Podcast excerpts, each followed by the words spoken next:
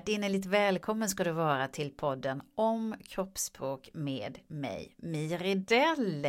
Det här är nummer nio. Vi har avklarat många kroppsdelar redan och pratat ganska mycket om hållning och så vidare. Och framförallt har du inte lyssnat på det första poddavsnittet vad kroppsspråk är och hur jag definierar och många med mig. Så lyssna på det så du får en hum om och det här med stenåldershjärnan och så vidare. För då blir det lite lättare att hänga med kanske. Men jag ska ta det lugnt och pedagogiskt och eh, den här kvarten kommer att handla om eh, mellandelen av kroppen, alltså bålen och axlarna och armarna och en viss del händerna, vad vi säger med dem. Och om vi börjar då med bålen. Här på mittendelen av kroppen, här sitter vi många känsliga organ. Här har vi hjärtat, här har vi halsen, här har vi lungorna, magen och könet och sådär. Och både vi djur, vi människor och djur skyddar ju instinktivt den här delen av kroppen eh, för vår överlevnad.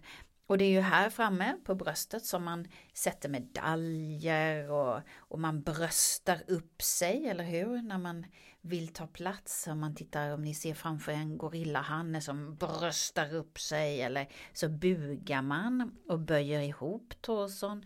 Eh, man bockar och bugar och tackar för någonting, man visar sin vördnad. I Kina till och med så nuddar man ju marken när man bugar, det kallas koto och den här gesten gjorde man inför kejsaren för att visa sin absolut yttersta respekt. Så att den här delen, torson, den vänder man till och ifrån eh, människor hela tiden utan att vi kanske tänker på det. För när vi känner oss trygga och intresserade, då vänder vi den här delen, alltså fronten av oss, eh, mot andra människor. Det är ett sätt att visa respekt och närvaro. Och då känner vi oss trygga och vi öppnar upp mot den andra och gör oss sårbara.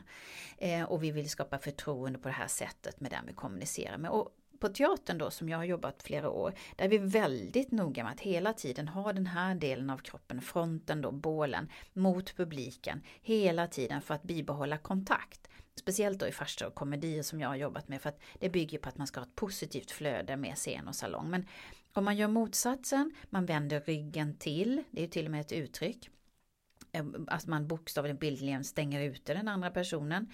Och ibland behöver det inte vara så mycket. Det räcker att man sätter upp en axel för att skapa en barriär eller vända sig bort eh, för att den man talar med, eller till och med om man står på teatern då publiken ska känna sig exkluderad och så bryter man den här fina kontakten. Och Det kan ju finnas en fördel med det om man spelar någonting där det ska göras det, men i kontakten med människa till människa så försök att inte ha ryggen, axeln mot, utan försök att ha den här delen, fronten, torson, bålen mot den andra för god kommunikation. Och är du nyfiken så ta titt på hur människor reagerar under ett mingel eller en sammankomst, liksom hur människor vänder sig mot varandra och från varandra beroende på intresse och samtalsämne. Väldigt intressant. För när vi blir intresserade av någonting på riktigt, verkligen sådär wow, då böjer vi oss automatiskt framåt. Va? Nej men säger du det? Eller när vi är på hugget, när vi vill någonting, då böjer vi oss framåt för att visa engagemang. Men sen plötsligt, den du talar med kanske lutar sig tillbaka och då kan du tänka, hmm, vad hände här? Var det någonting negativt? Eller varför vill den här personen skapa distans? Ibland kan det bara vara så att den personen lutar sig tillbaka för att göra en paus och reflektera över det som hände. Det behöver inte betyda något negativt, men var uppmärksam. Det är som ett spel mellan människor. Man vänder sig framåt och bakåt, framåt och bakåt hela tiden. Oerhört intressant. Om vi går vidare till axlarna då. Ja, det finns ju väldigt många som har skrivit mycket om kroppen och de mest kända det är zoologen Desmond Morris och så finns det en antropolog som heter David Givens och de är båda giganter i ämnet. Och båda två har faktiskt skrivit om den här biologiska fördelen med att ha ett kraftigt axelparti, den här V-formen. Eh, för män då framförallt. För breda axlar, det kommunicerar vitalitet och dominans. Och det behövdes ju förr på stenåldern eh, när man hade en enorm hierarki och det handlade om reproduktion och överlevnad. Eh, så det här lever kvar i våra gamla stenåldershjärnor. Vi tycker fortfarande att breda axlar är snyggt och eh, omedvetet eller medvetet går igång på det där. Men allting som är snett, till exempel nu då axlar, eftersom vi pratar om axlar, det, då råder ju inte harmoni. Då blir vi liksom stenåldershjärnan i oss blir lite tveksam. Hmm, varför har den här personen eh, axlarna lite snett? Alltså prova det, sätt upp ena axeln mot örat. Om man ser en person som har det så här, ena axeln mot örat, då är förmodligen personen beredd på angrepp, fysiskt eller psykiskt, eh, och skydda sig själv. Eh, lite försiktigt, inte genom att helt eh, lägga benen på ryggen och springa därifrån. Men gör sig beredd på angrepp. Så att titta efter det, det är en, en gest som tyder på icke-harmoni och eh, till och med kan vara en indikation på lögn. Men lyssna på avsnittet om lögner, det där med lögner det är en snårig skog. Så att sätt gesterna i sitt sammanhang eh, och tolka dem utefter flera gester. Men en, axel upp mot örat, då är det någonting som inte är harmoni. Om du ser båda axlarna upp vid öronen, prova det då. Dra upp och håll dem fast så här. Om de är fastfrusna uppe vid öronen, då kallas det på kroppsspråksspråk sköldpaddsposition och då, det signalerar en enorm osäkerhet och svaghet. Prova med att titta ner i backen, kombinationen titta ner i backen. Då är det absolut så att den här personen vill skydda sig och försvinna och göra sig så liten och skydda halsen och andningsorganen här så att man skyddar sig. Eh, Sköldpaddspositionen ser man inte hos harmoniska människor. Om du däremot drar upp båda axlarna till öronen och släpper ner dem snabbt. Nej, jag vet inte. Upp och ner, det är en gest för att inte veta. Den här gesten känner vi nog till. Nej, ingen aning, ingen aning. Då drar man upp dem och sen släpper ner dem. Ehm, så att axlarna säger också en del. Så ta en titt på hur folk har axlarna. Om vi går vidare till armarna då. Armarna är ju helt fantastiska. Armarna de uttrycker kärlek och man kan kramas. Och det är ju de vi viftar med och uttrycker glädje och upp i luften. Och ehm, det är de som tar emot oss om vi faller. Armarna säger otroligt mycket. Så att nu går vi över till armarna. Den största kroppsspråksfördomen man brukar höra är Har man armarna i kors är man en sluten person. Nej, det är man inte. Säg inte så mer, för det är inte så. Har man armarna i kors kanske man bara fryser, eller har man armarna i kors kanske man bara vill luta sig tillbaka och lyssna. Det är en lyssnarposition. Eller kanske det är så att man känner sig osäker och vill skydda då sin bål, sin torso, och känner sig obekväm. Men det är inte alltid så att man är en sluten person. Vad som däremot är att när man har armarna i kors, då säger forskarna att då har man svårare att ta in intryck utifrån än om man inte har det.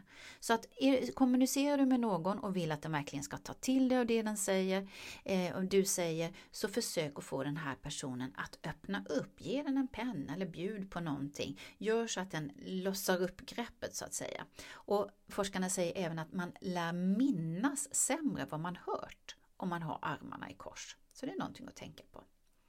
Och det här med armarna i sidorna då, pröva det. Sätt armarna i sidorna.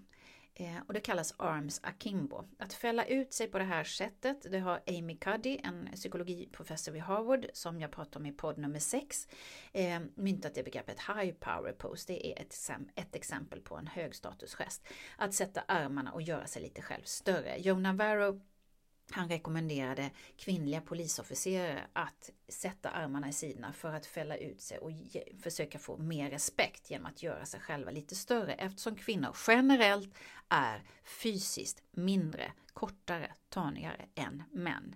Ehm, och om man dessutom kombinerar armarna i sidorna och ställer sig med benen lite brett isär så ger man ett intryck av att man inte är så lätt att rubba.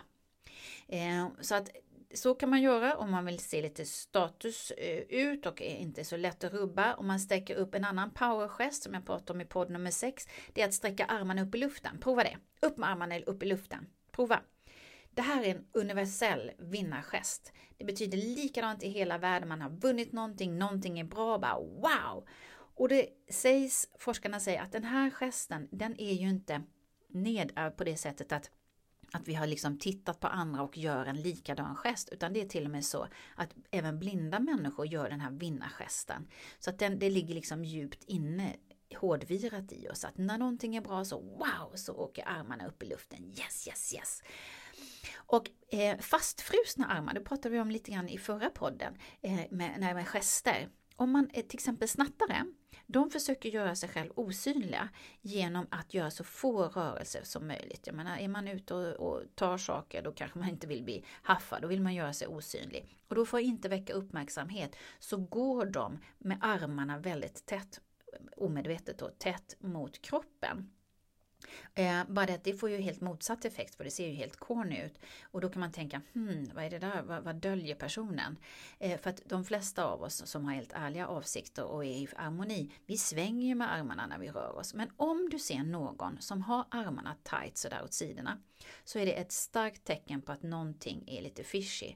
Antingen känner personen starkt obehag, till exempel om du ser ett barn som uppvisar en sån gest, då bör du vara väldigt uppmärksam. Varför vill barnet inte synas? Varför vill det dra ihop sig? Och det här kan vara en indikator eh, på att någonting inte är okej. Okay. Man ser väldigt många eh, barn och även vuxna då eh, som på något sätt har blivit misshandlade. De har oftast den här fastfrusna armpositionen, så var vaksam på den. För när någonting är i harmoni, när någonting är okej, okay, då, då vill man inte göra så här. Utan tvärtom, när man är harmonisk då vill man ta plats med armarna. Kan, om en person mår bra så slänger man sig ut i soffan och ut med armarna och upp med en arm på ryggstödet. Då känner man sig bekväm och ohotad av sin omgivning. Så notera om det sker en plötslig skillnad i armrörelserna. Hmm, var det någonting du sa eller var det något kraftigt ljud? För då blev vi också vaksamma. Eller var det någonting annat som kunde väcka personens obehag? Kungapositionen då? Ja, i många sådana här ledarskapsutbildningar så ger man tipset att om du inte vet vad du ska göra av händerna så placera dem bakom ryggen. Så dåligt tips! Absolut inte, säger jag. För om man har armarna bakom ryggen så sänder det en icke-verbal gest till andra människor att du tror att du är för mer än dem. Det kallas kungapositionen, regal stance, säger Joe Navarro. Det här är alltså en högstatusgest som är bra om du vill använda eh, så här hierarkiska gester. Men om du vill vara i god harmoni och vara jämlik med andra, så sätt inte armarna bakom ryggen. Eh, högstatuspersoner, advokater, professorer, poliser, militärer. Här är polisen som ute i gatan står. Om man ska göra det så sätter man, sig, sätter man eh, automatiskt armarna bakom ryggen för att snabbt eh, visualisera att här är en person som är militär eller dominant. Kom inte nära. Eh, Joe Navarro sa till mig till, eh, också att en hundtränare hade berättat för honom att om man gör det här framför en hund, alltså har armarna bakom ryggen och inte visar händerna och armarna, då blir hunden oerhört stressad eftersom hunden då får en känsla av att den inte är värd att klappas. Och likadana sådana negativa känslor kan man skapa om man gör den här gesten gentemot små barn. Att det är oerhört viktigt för stenåldershjärnorna hos oss att se den andras armar, att se den andras händer. Så i nästa avsnitt, nummer 10, så blir det mer med händerna och vad vi gör med händerna, vilka gester och vilka tecken och vad de betyder. Hoppas att du tycker att det är intressant och att du tycker det är roligt att lyssna på den här podden. Dela gärna det här avsnittet ehm, och följ mig gärna på LinkedIn, där visar jag mest filmer och bilder, eller Instagram. Ha det så bra, hej då!